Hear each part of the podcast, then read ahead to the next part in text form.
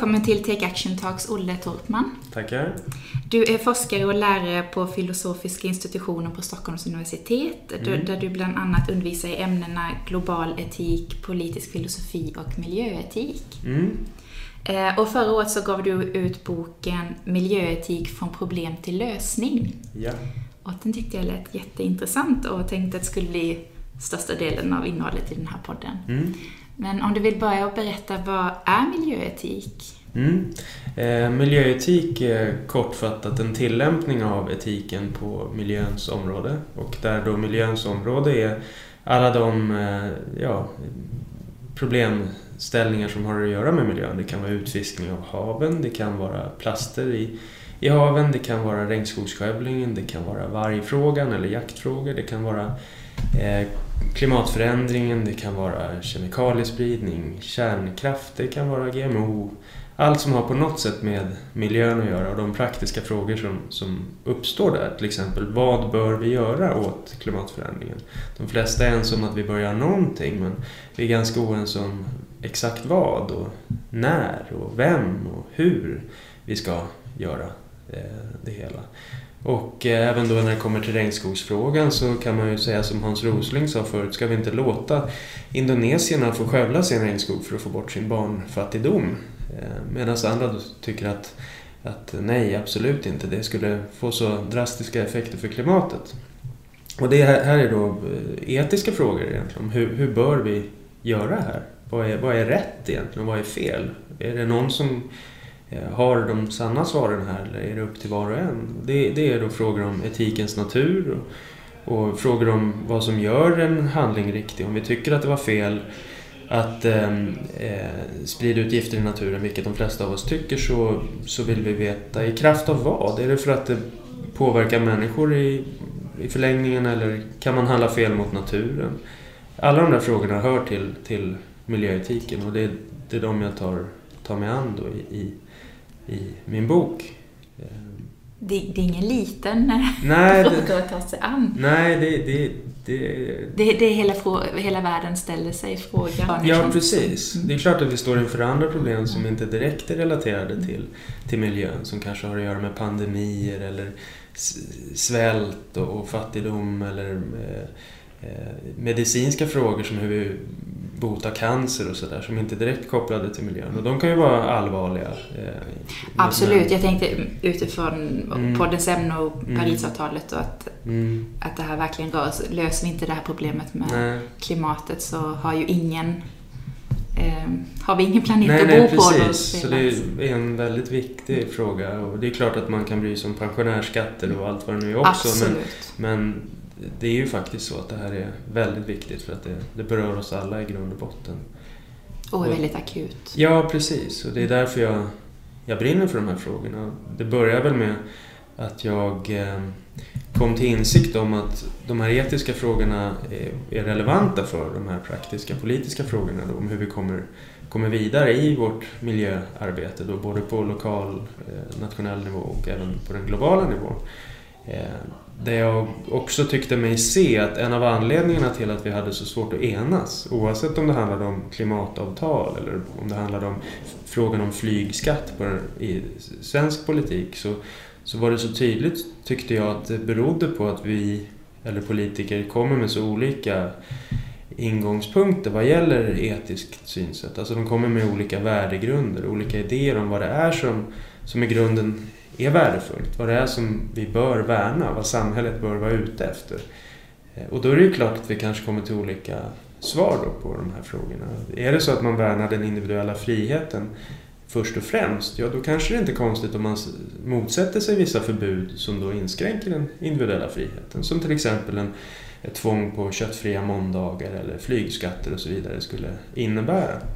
Medan om man är ute efter eh, andra mål så är det klart att man kanske eh, då värderar andra värden än den individuella friheten högst och därför tycker man då att det är okej okay att, att inskränka den för att nå eh, de här andra målen. Då.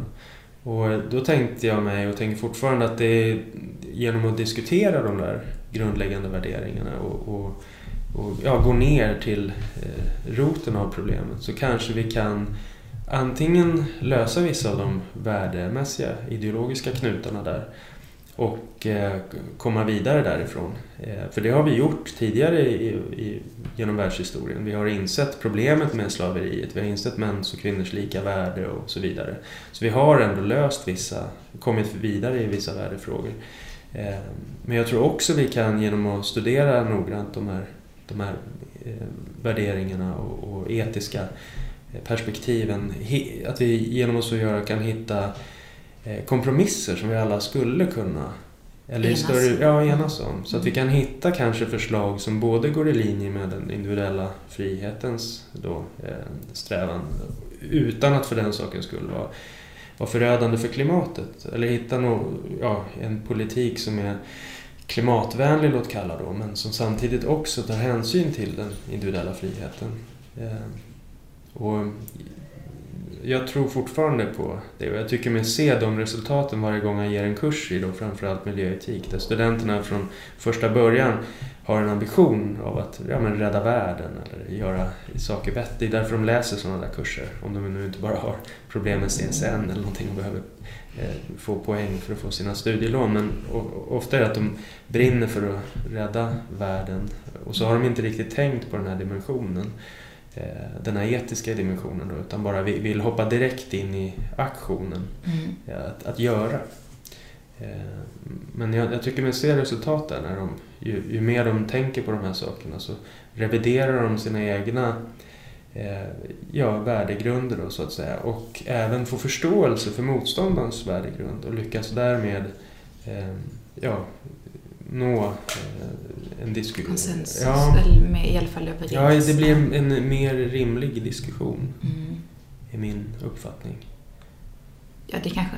Vi behöver ju enas, det går ju inte att säga det här är rätt, tycker jag, och sen Nej. säger alla likadant. Då Nej. blir ju ingenting... Nej, det kan ju vara så att man kan ha rätt. Mm. Det är ju möjligt att det, det det går, eller jag är övertygad om att det går åtminstone att argumentera i mm. moraliska frågor eller etiska frågor. Eh, och den argumentationen försöker vi lära ut här på universitetet, bland annat då mm. eh, i, i, den praktiska filosofin.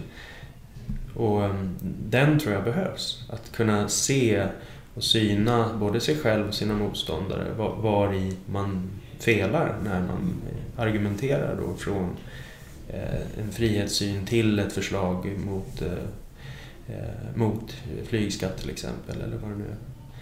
Så det, det, det tror jag verkligen är Jätteintressant. Ja, det var det jag menade, att ifall jag bara säger jag har rätt utan att argumentera mm. och du säger men jag har rätt. Alltså du, mm. att man måste Nej, precis, kunna det, se den ja. andra mötas. Och då kommer vi lite in på, eller du har ju redan börjat prata här med just att eh, din bok Eh, då, som heter Miljöetik från problem till lösning. Mm. Det känns ändå väldigt hoppfullt, så i slutet mm. av podden hoppas jag ja. du, du presenterar lösningen ja, här. Um, och utgångspunkten i din bok är ju det här att um, Ja, men, eller vi har ju enats om till exempel Parisavtalet mm. och globala målen och så vidare i, mm. i, världen, men vi är ändå oense om hur vi ska nå dem. Mm. Och att, eh, att det bottnar i att vi har olika grundsyn i moralfrågor. Det är eh. min fasta övertygelse. Jag tror, tror det gäller så oerhört många. Alltså om man tar köttfrågan till exempel. Mm. Så är det så tydligt tycker jag. Där att har man en idé, en moralisk, ett moraliskt perspektiv enligt vilken djuren som vi äter då, grisarna, korna och så vidare. Att de har också en så kallad moralisk status, det vill säga vi kan handla fel mot dem precis som vi kan handla fel mot varandra. Om jag slår till dig nu så tycker vi alla att det är fel, för du är någon som man kan handla fel mot. Och ser man då på djuren på det sättet, så har man den värdegrunden, det perspektivet med sig, då är det så tydligt att det blir fel att äta kött till exempel. Eller fel åtminstone med de slaktmetoder som man i en konventionell djurindustri eh, har idag. Ehm, medan någon som inte har det perspektivet, som betraktar djuren, grisen och korn och så vidare som mer ja, grönsaker eller själlösa maskiner för att använda en gammal filosofs uttryck. Då, då är det inte så konstigt om man tycker det är oproblematiskt att äta köttet eller att, att eh, föda upp djuren som, som om de inte vore något värda. Och där är det ju så tydligt hur den konflikten då mellan vegetarianen och köttätaren beror på det där etiska perspektivet. Eh, och jag tänker mig att samma då perspektivkonflikter ger upphov till oenighet även på till exempel i klimatfrågan. Även om det där inte är så tydligt. Jag menar, det är ju ingen som vill förbjuda oljeförbränning för att de tycker synd om oljan. Nej. Det är inte det som är grejen, utan det är ju för att det har sidoeffekter då, som till exempel på klimatet och så vidare. Och ofta för eh, framtida generationer eller människor som påverkas av klimatförändring. Och där borde vi nästan ha ännu enklare att enas eftersom vi där inte behöver ställa oss frågan om, om djuren eller oljan har någon sån där direkt moralisk status. För det, där är vi ju, det är ju människor, det, det borde räcka med det. Men det är ändå oenighet. Och jag tror det har att göra i och för sig med att, att vi har lite olika eh, uppfattningar om vad, vad vetenskapen säger. Att några tror ju inte riktigt på klimatvetenskapen och då är det klart att man kanske inte tror sig behöva göra någonting åt det. Det är väl klart, om du inte tror på tandläkaren, att tandläkaren säger att du har karies i munnen, du behöver borsta mer noggrant, ja då är det klart du inte känner dig uppmanad att borsta mer noggrant. Och det är väl samma sak där. Men många gånger tror jag att, att det ändå handlar om just den där värdegrunden vi kommer in med, eller det normativa, det etiska. Som inte har egentligen att göra med vetenskapliga frågor utan med filosofiska frågor, etiska. Men jag tänker det du sa som med oljan då, att det är ju inte mm. att den har känslor eller så, men Nej. det är ju att den har byggt upp välfärden på ett vis, den har mm. ändå hjälpt oss nå. Men, men framförallt är det ju att den har gjort vissa människor väldigt rika mm. också. Mm. Eh, och att det blir mer eh, den moraliska aspekten, mm. att är det rätt att några rår åt sig en enorm rikedom, mm. eller att vi moral gentemot eh, våra medmänniskor, att, att vi faktiskt förstör planeten och livet för kommande generationer om vi fortsätter mm. som vi gör idag, mm. business as usual. Ja, det är ju också många, många sådana rättvisefrågor som aktualiseras av de här miljöproblemen. Det ofta råkar vara då de som är svagast eller redan har minst eller är fattigast som, som råkar värst ut av klimatförändringen för att de har minst resurser med vars hjälp de skulle kunna Eh, stå emot då, till exempel förhöjda höjda vattennivåer eller ökade temperaturer. Men det är inte gratis att bygga sådana här vallar vid vattengränserna och det är inte heller gratis att installera airconditioners i varenda rum man har. Eh, så, så det slår ju Och samma där med hur vi, hur vi exporterar avfall och så. Det tenderar ju att hamna där, där folk redan har det som sämst för att de är villiga att ja, ta emot det till billigast pris ungefär. Så det finns många, många etiska frågor i koppling till det där. Och även som du var inne på, eh, problem som uppstår just för att några har vant sig vid en, en bekvämlighet tack vare en, ett utnyttjande av till exempel fossila bränslen. Mm.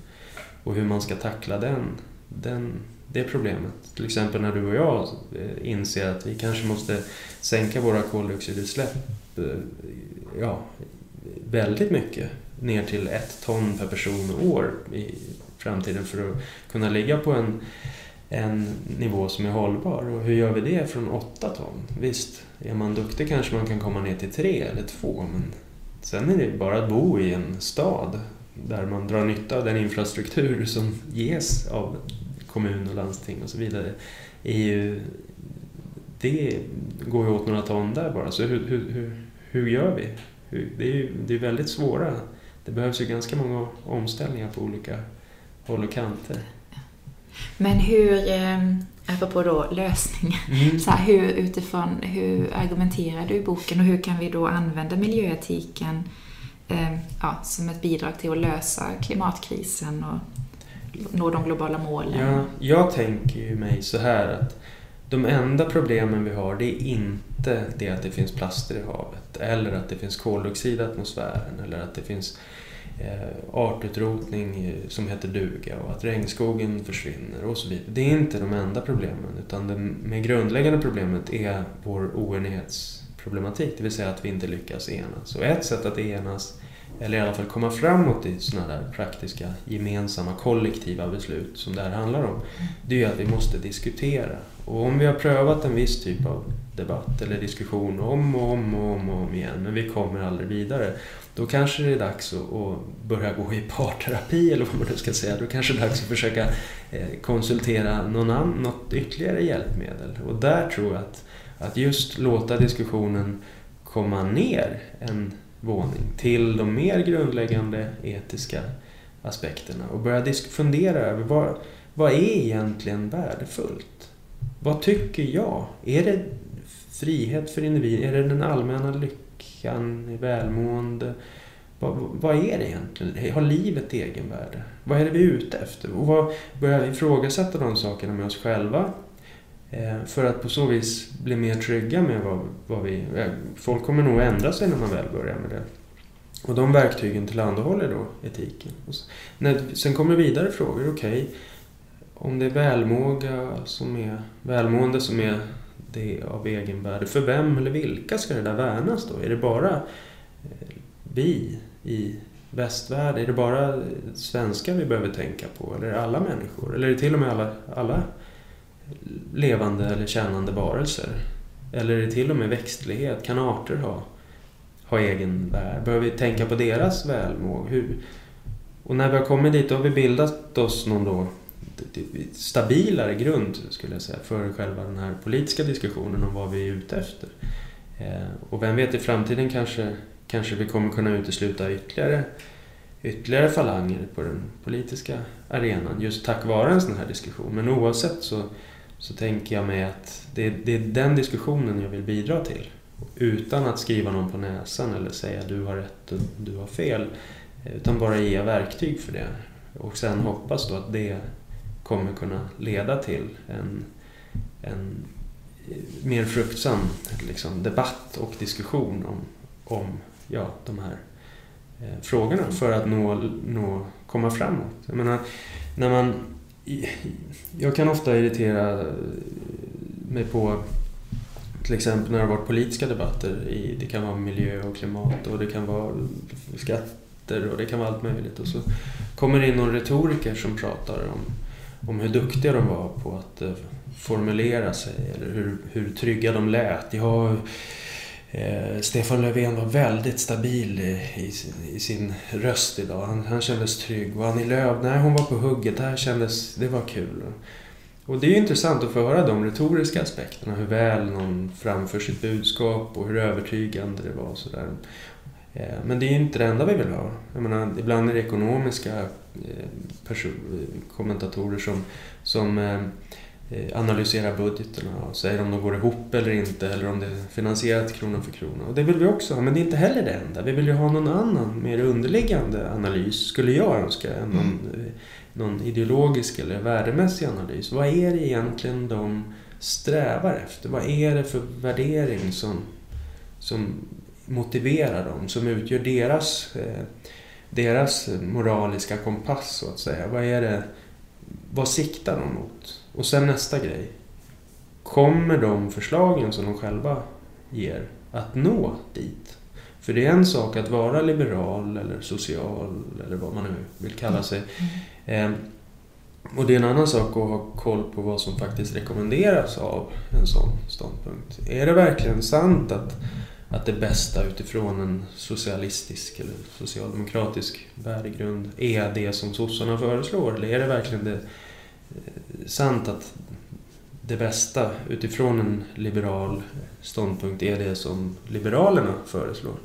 Eh, det tror jag är, är eh, högst oklart. Jag skulle säga att många gånger är det tvärtom. Men det beror på att de inte har, tror jag, gjort den etiska analysen eh, riktigt noga.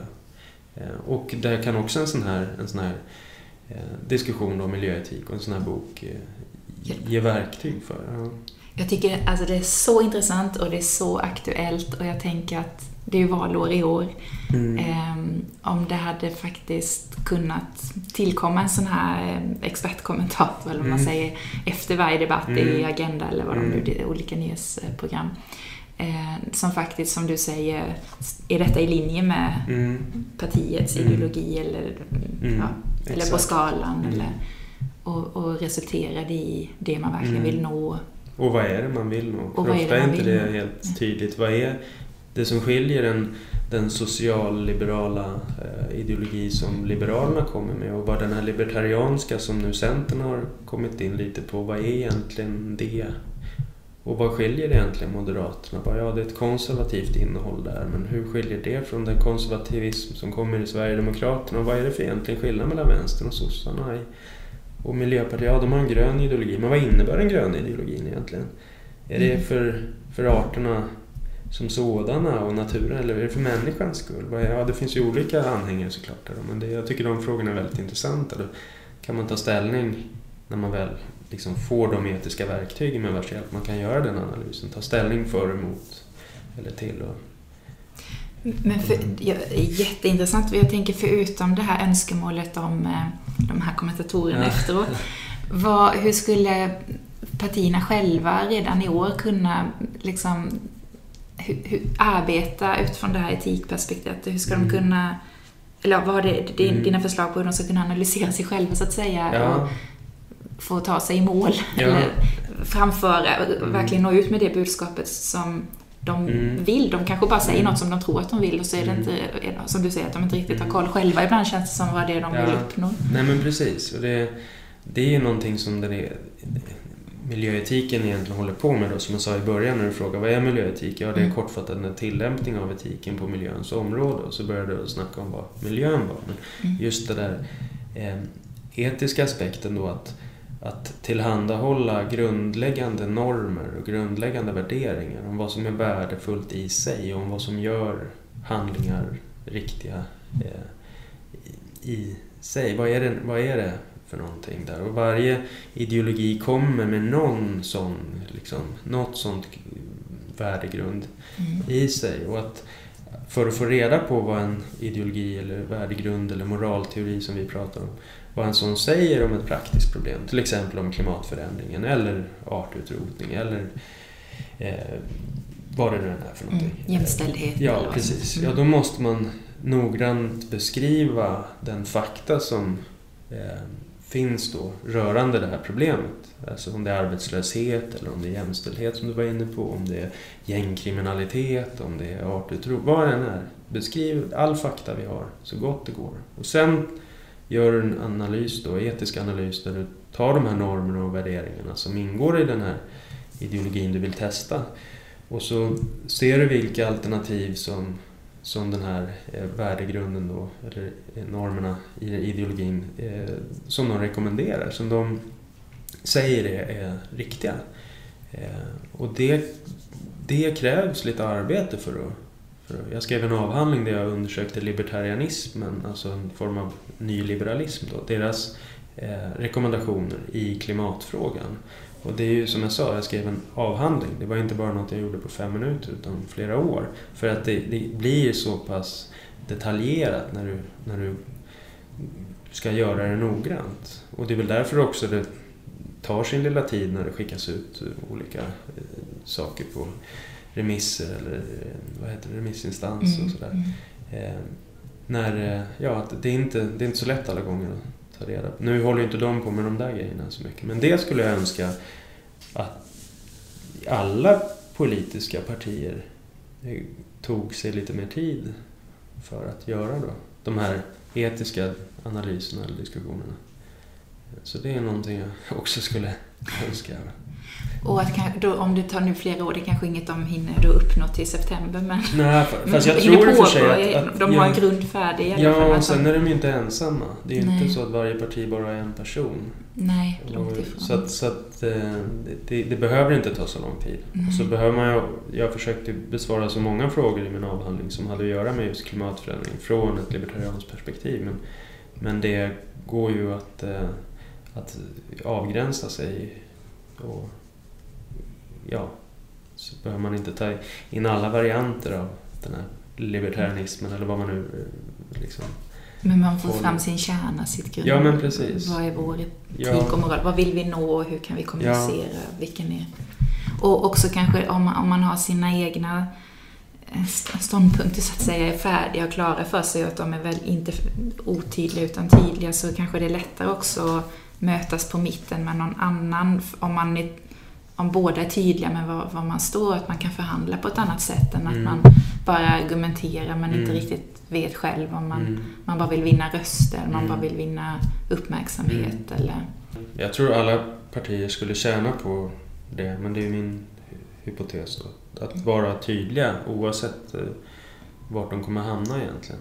Mm. Jag tror väljarna vill ha tydliga svar. Men visst, de kanske gör andra analyser och kommer fram till att det är bra med otydlighet här så kan vi lura alla och tro att vi passar just dem. Men, men det kanske inte, vi kanske inte räddar världen på det sättet. Nej, precis. Det det är det. Men de kanske inte är ute efter det heller. Det, det vet jag inte vad är. Nej, det är ju det. Vad är vi ute mm. efter? Vad är, för jag tänker också att detta är jätteintressant nu på den här nationella mm. och väldigt aktuellt eh, nivån.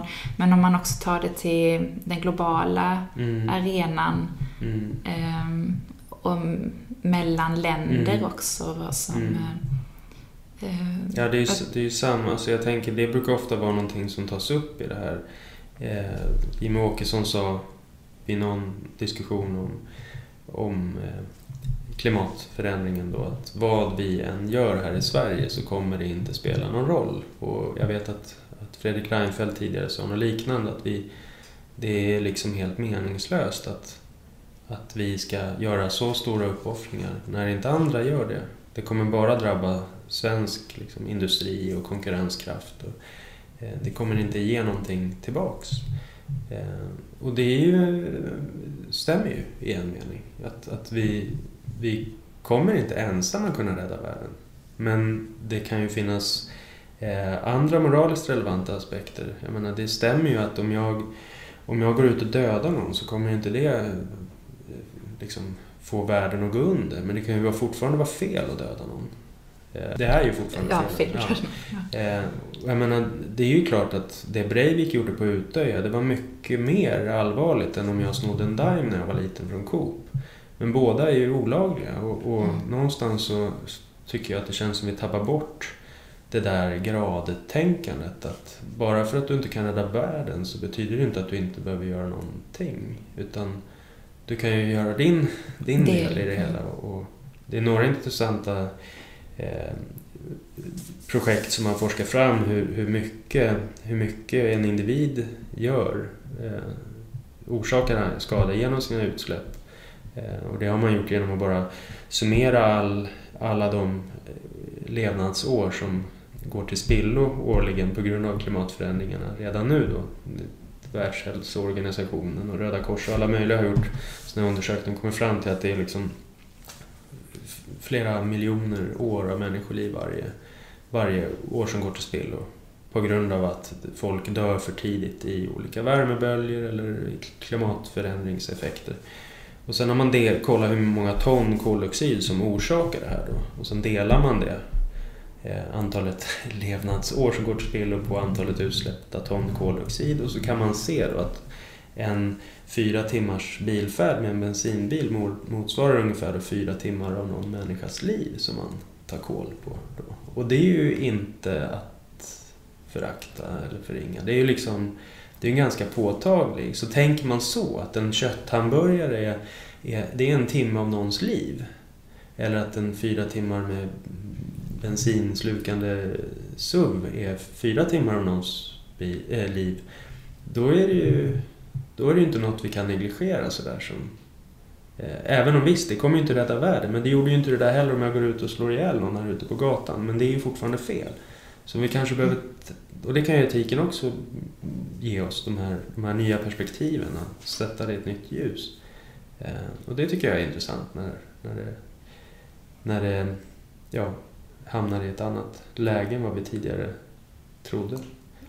Ja, och det här att, okej, okay, som du säger, de har ju rätt att Sverige kan ju inte ensam rädda världen, men mm. tänker alla, vi behöver inte göra något. Mm. Så... Ähm, ja, nej men precis, ja. att det finns så många, och vem... Precis. Vem ska där, göra det då? Ja, ja, och, och, och, varför mm. och gentemot vem? Och, mm. Även om vi är ett litet land så per person har vi bland de största utsläppen i världen. Eh, bara där borde ju vara någon moralisk och etisk eh, ja, vilja. Man kan ju tycka att är det någonting som är rättvist så är det väl om vi får lika mm. eh, initialt åtminstone. Och när det gäller utsläppen så kan man väl inte säga att någon har gjort sig förtjänt av mer. Det är väl inte så att amerikaner eller europeer bara för att vi har släppt ut mycket tidigare i våra liv eller våra tidigare generationer att vi därmed också har rätt till att släppa ut mer nu. Det är ju helt galet. Eh, skulle väl snarare i så fall tvärtom. vara det. tvärtom. Att Mm. nu har vi ätit en större del av vår kaka så Mm. nu måste vi dra ner för att låta folk i Bangladesh eller andra delar av världen som har släppt ut bara en bråkdel av vi, att de ska få komma upp då. Men åtminstone borde vi ha en, tänka sådär som du var inne på, att det är en lika per, per person eh, idé då som det, det, det är svårt. Då kan man också ta ner det på en in- individnivå, att, Ja. man kan, att, den, att det blir närmare en själv, att man kan sätta sig in i den, att det Mm. bara blir något eh, fl- fluffigt eller något Nej men precis. politiskt liksom. Nej. Och har, gör man sin del så är man ju, då har man ju inte gjort något fel i alla fall. Den som inte gör sin del kan ju argumenteras för att ha gjort något fel. Ja. Eh, och vill man leva som en hycklare eller vill man inte göra det? Ja, det kan inte jag. Men... Eh, Det är återigen, vad vill man själv stå för? Alltså, Ja, nej sin egen person, Ja. precis som ett eget parti. Vad står man Mm. för? Vad vill man? Och vilka handlingar tar en till det Ja. målet? Sen kan man väl tänka så här att ju längre vi väntar på eh, att göra någonting åt, eller vänta med att göra någonting åt klimatförändringen, desto värre kommer det till slut bli. Mm. Så till slut kommer vi alla ha skäl att... att Göra något. ja, men frågan är om det Och önska blivit- att vi hade gjort något tidigare. Ja, precis. Att Mm. så till slut kommer vi vara eniga. Det tenderar vi att bli när det blir tillräckligt stora hot. Eh, Det skulle, vi skulle ju enas garanterat om det kom utomjordiskt hot. Liksom. Ja. Då skulle alla börja samarbeta. Independence Day. Ja, men precis. Men, eh, men ja, när klimatförändring och andra problem kan bli lika, då, då tror jag att det, då kommer vi ha lättare att enas. Men det är synd att behöva vänta tills vi kommer dit. Det är synd att behöva få cancer innan man inser att man ska sluta röka. Det hade varit bra om man kunde göra det innan dess. Men, Väldigt, väldigt mycket så, men också det här att, som du säger, att vi kommer enas den dagen jorden står i brand, jag säga, Mm. men klimatförändringarna är så pass påtagliga överallt. Men då, som du säger, Mm. då är det ju också...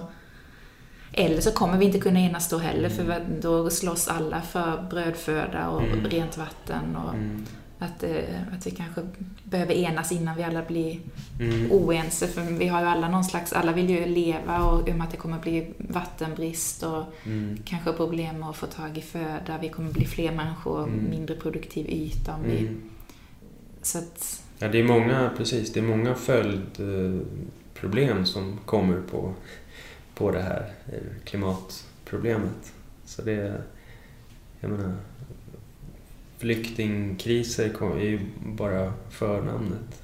Kom ju, det var ju forskare vid Oxford eller vad det nu var som gjorde, drog kopplingar mellan, mellan eh, krisen eller kriget i Syrien och klimatförändringarna. Att det hade varit torka på stora, i stora delar under en längre tid och det hade spett på skälet till att, att gå ut på gatorna och protestera mot att man inte fick hjälp och sen, ja. Så att det, det kommer nog tyvärr hända en hel del som inte riktigt förstås på än. Men det är synd också om det skulle bli som jag hörde någon sa att vi har redan nu börjat vänja oss vid att det varje dag på nyheterna är larm om oväder och stormar och, och översvämningar och, och bränder. Oavsett om det är Kalifornien eller Holland eller Sverige. Så vi har redan börjat vänja oss vid det. Så att vi tänker på det som normalt. Men spolar vi tillbaks 10 år bara, eller 20 år, då var det inte så här. Det har liksom intensifierats. Eh, och det är ju synd om vi inte liksom har det i åtanke, att det skulle inte behöva vara så här. Eh, nej, det är farligt om det blir någon... eh, Mm. Ja, men så här att vi... Det är också så att idag får vi veta allt som händer inom några minuter Mm. i, i världen. Att man blir så överöst av Mm. nyheter så man blir lite avtrubbad. Mm. Och det ju, om det är så du menar också med Mm. att vi får nyheter hela tiden Mm. med att nya klimatkatastrofer. Mm. Att, ehm, det borde ju egentligen vara så här, oh shit, nu är det ännu Mm. mer. Mm. Okej, kom igen, Mm. let's come together och, och, och gör Mm. någonting. Och, och vi har ju målet klart, det du pratar Mm. om, att man går tillbaks till grunden. Vad är det jag vill? Vad står jag Mm. för? Det känns ju som att på något vis borde ju alla vilja att rädda världen, Mm. eller liksom nu med klimat, hin- förhindra Mm. klimatförändring så långt det Mm. går. Det känns ju som att det är det alla borde Mm. vilja. Mm. Men genom en sån analys kanske man kan komma fram till vilka som inte vill det då. Sen Ja, det, det precis. man Ja. utesluter dem ur politiska ja, regeringar. Det kan man, eller visa att de, det följer från deras mm. ideologi att de, de borde också bry sig. Eh, trots att de inte tror det. Mm. Eller också just det här med hur man prioriterar i sådana här krissituationer. Det, det är ju etiska frågor. Var, var, vad bör ges prioritet i, i ett sånt här fall? Jag tänker även just i klimatfrågan som vi var inne på nu så brukar man göra en, en, en distinktion, en skillnad mellan att ha preventiva eller klimatförhindrande mm. åtgärder och mm. sen adaptiva eller klimatanpassade åtjärder där man antingen då satsar pengarna på att just förhindra att det händer, det vill säga dra ner på fossil eh, bränsleförbränning, dra ner på energikonsumtion och dra ner på materiella konsumtionen och så vidare. Effektivisera tillverkning och sånt.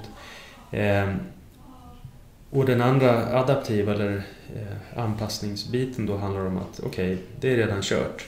Vi, vi kommer få klimatförändringar. Nu, nu gör vi smartast i att, att eh, fokusera på att eh, anpassa oss till det här genom att ja, ha bygga, ny, nya byggnormer till exempel som klarar av eh, högre eh, vattenflöden och vattenstånd och klarar av eh, högre temperaturer, starkare vindar, stormar. Och där kan ju vara en konflikt också. Och vad, mm. vilket bör vi prioritera? Hur ska man tänka där? Det kommer också in då på etiska frågor som, som kan belysas med hjälp av etikens verktyg och som jag inte tror man kan lösa utan att ta ställning till etiska frågor. Så där, jag tycker etiken kommer in på alla håll och kanter här. Och det är inte bara för att jag är arbetsskadad eller partisk utan det, det, är, det är så. Men det är också det som gjorde att jag vill hålla på med det här. Jag tycker det är synd om vi eh, som inom akademin eller var vi nu befinner oss lär, lär oss verktyg eller lär får en viss kompetens men sen inte lyckas använda den för något annat än våra egna inom akademiska syften. Som jag sa till någon någon gång, det är min uppfattning att vissa forskar för att de tycker att det är kul, punkt. Ungefär som vissa ligger hemma i sängen på en helg och löser sudoku eller korsord eller något sånt där. Det är liksom kul i sig. Men det har inga an, det är ingen annan, det är inget man löser inte korsordet för att få Nobelpris eller man löser inte korsordet för att rädda världen eller något sånt där. Och det är samma med forskningen då, att vissa forskar inte bara för att de tycker att det är kul utan för att de också ser att vi kan göra någon typ av samhällsnytta här. Och det, det är någonting som jag brinner för mer än det där Själva forskningen i sig ja, med precis, vad det leder ja. till. Mm. Så det, det tycker jag är att fler borde, det är många som, som gör så. Jag ska väl inte liksom säga att jag lyckas bättre än andra men, men, jag, men jag tycker att, att det är något vi inte får glömma. Det där vi kan bidra med. Och det gäller ju också att forskning kommuniceras med. Ofta finns det ju forskning men den görs ju inte tillgänglig på ett eh, vanligt språk om du förstår mm. vad jag menar. Alltså, så, så att vanliga folk som in, mm. med termer och, mm. och, så, att man, att man eh, att allmänheten får ta del av mm. den. Nej men precis. Och nu Tack och lov är ju inte miljöetik någon hjärnkirurgi eller rymdfysik utan det, det är, frågorna kan vi alla förstå.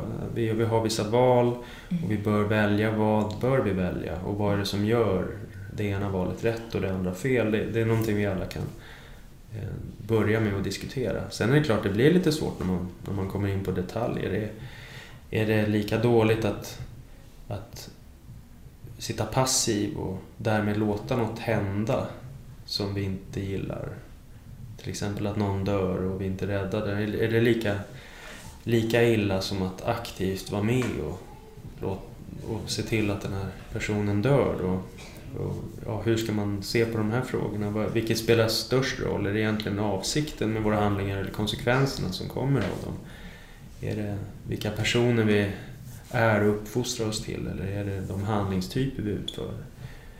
Eh, de, det är etiska frågor och genom att studera dem då så kan vi komma framåt där. Tror jag.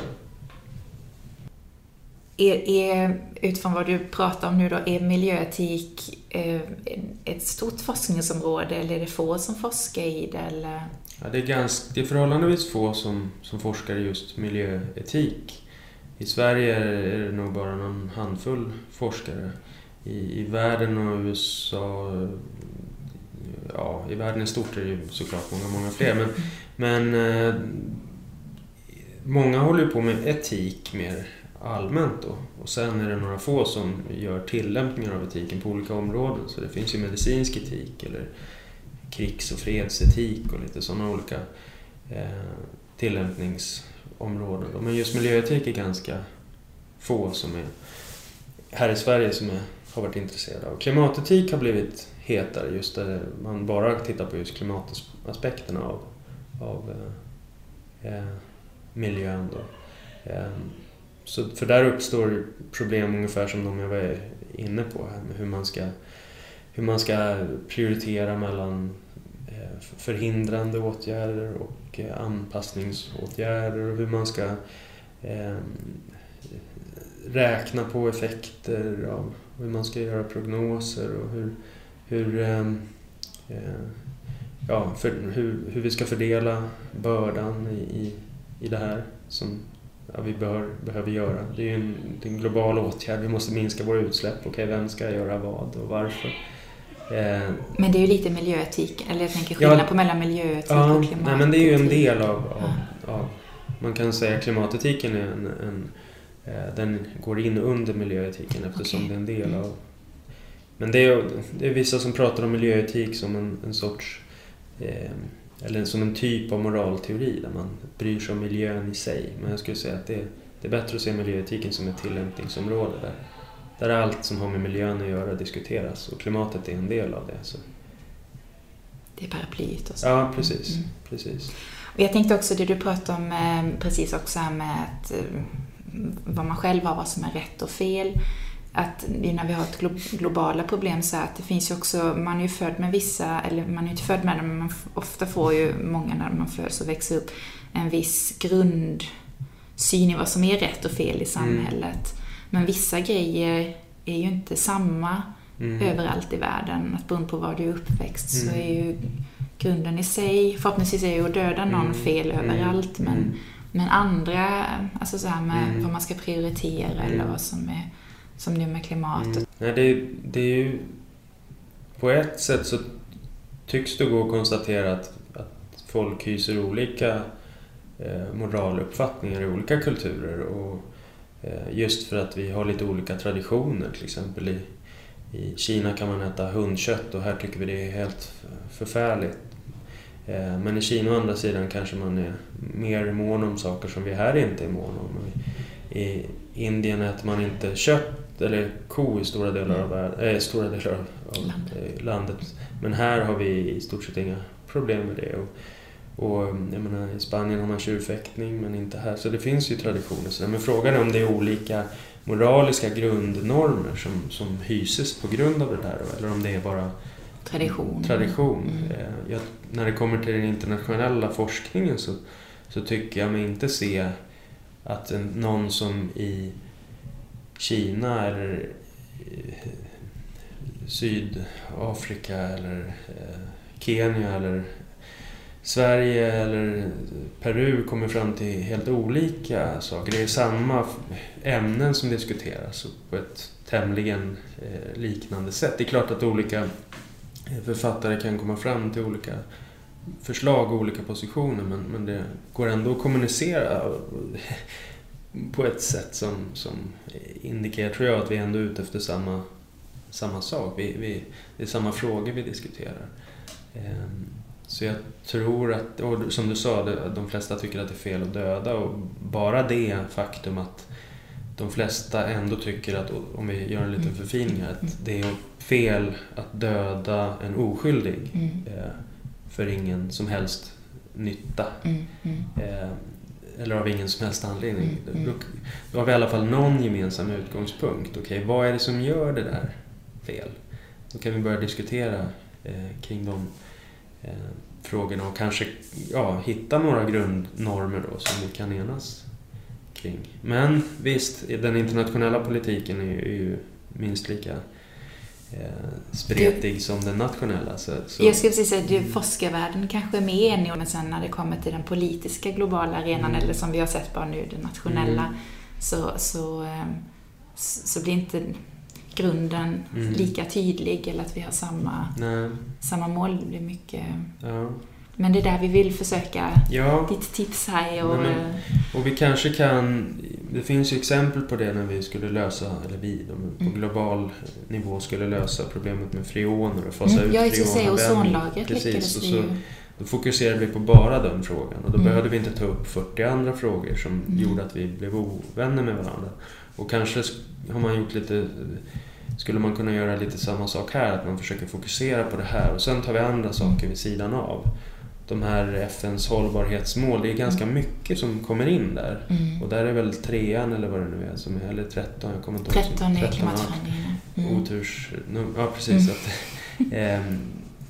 Att, att, att, om vi kan fokusera på en, ett, en sån sak i taget. Visst, det får ju spillover-effekter, det får sidoeffekter mm. på de andra. Det är klart, mm. får vi en bättre...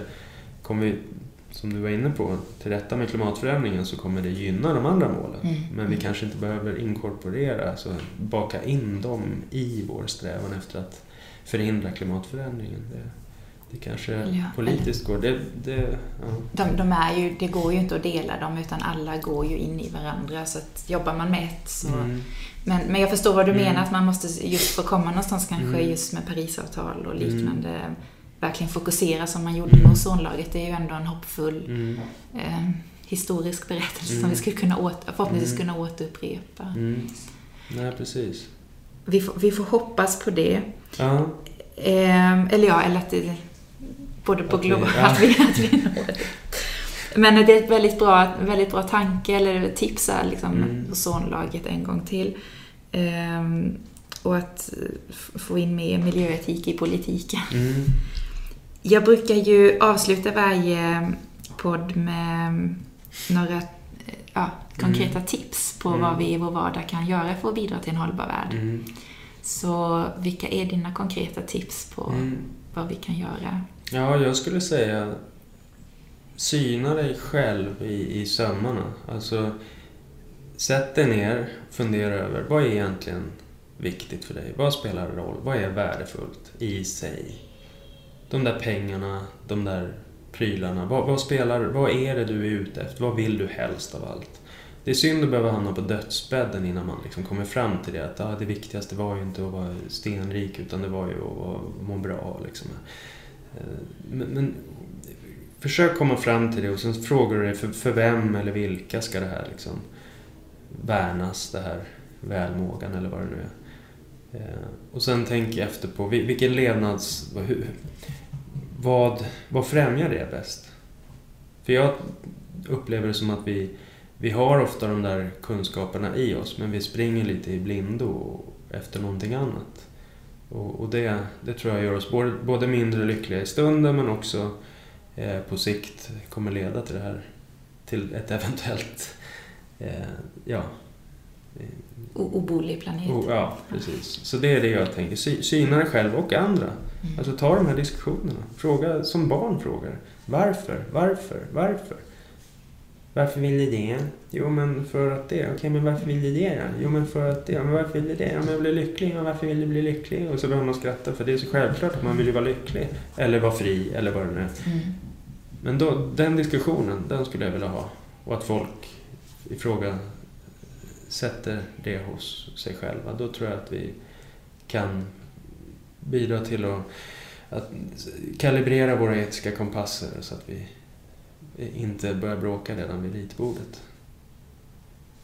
Politiker är ju också privatpersoner så vi får hoppa om de också kan eh, Ja men precis, jag tänker att det här, det här, det här gäller alla, inte bara mm. liksom Nej, men, vanliga personer som du och jag utan politikerna där som... som... Ja, och företag. Jag tänker ja, ja, att alla är ju individ, på individmål, men det här kan ju verkligen företag och politiker och, som du pratar med, ideologin. Visst, det är klart att i aktiebolagslagen så mm. står det kanske inget annat än att, att aktiebolaget eh, har som syfte att, att ja. Eh, främja deras aktieägares mm. ekonomiska mm. intressen. Men, men är aktiebolagslagen det enda som spelar roll? Nej, det kanske finns andra normer som är än mer viktiga.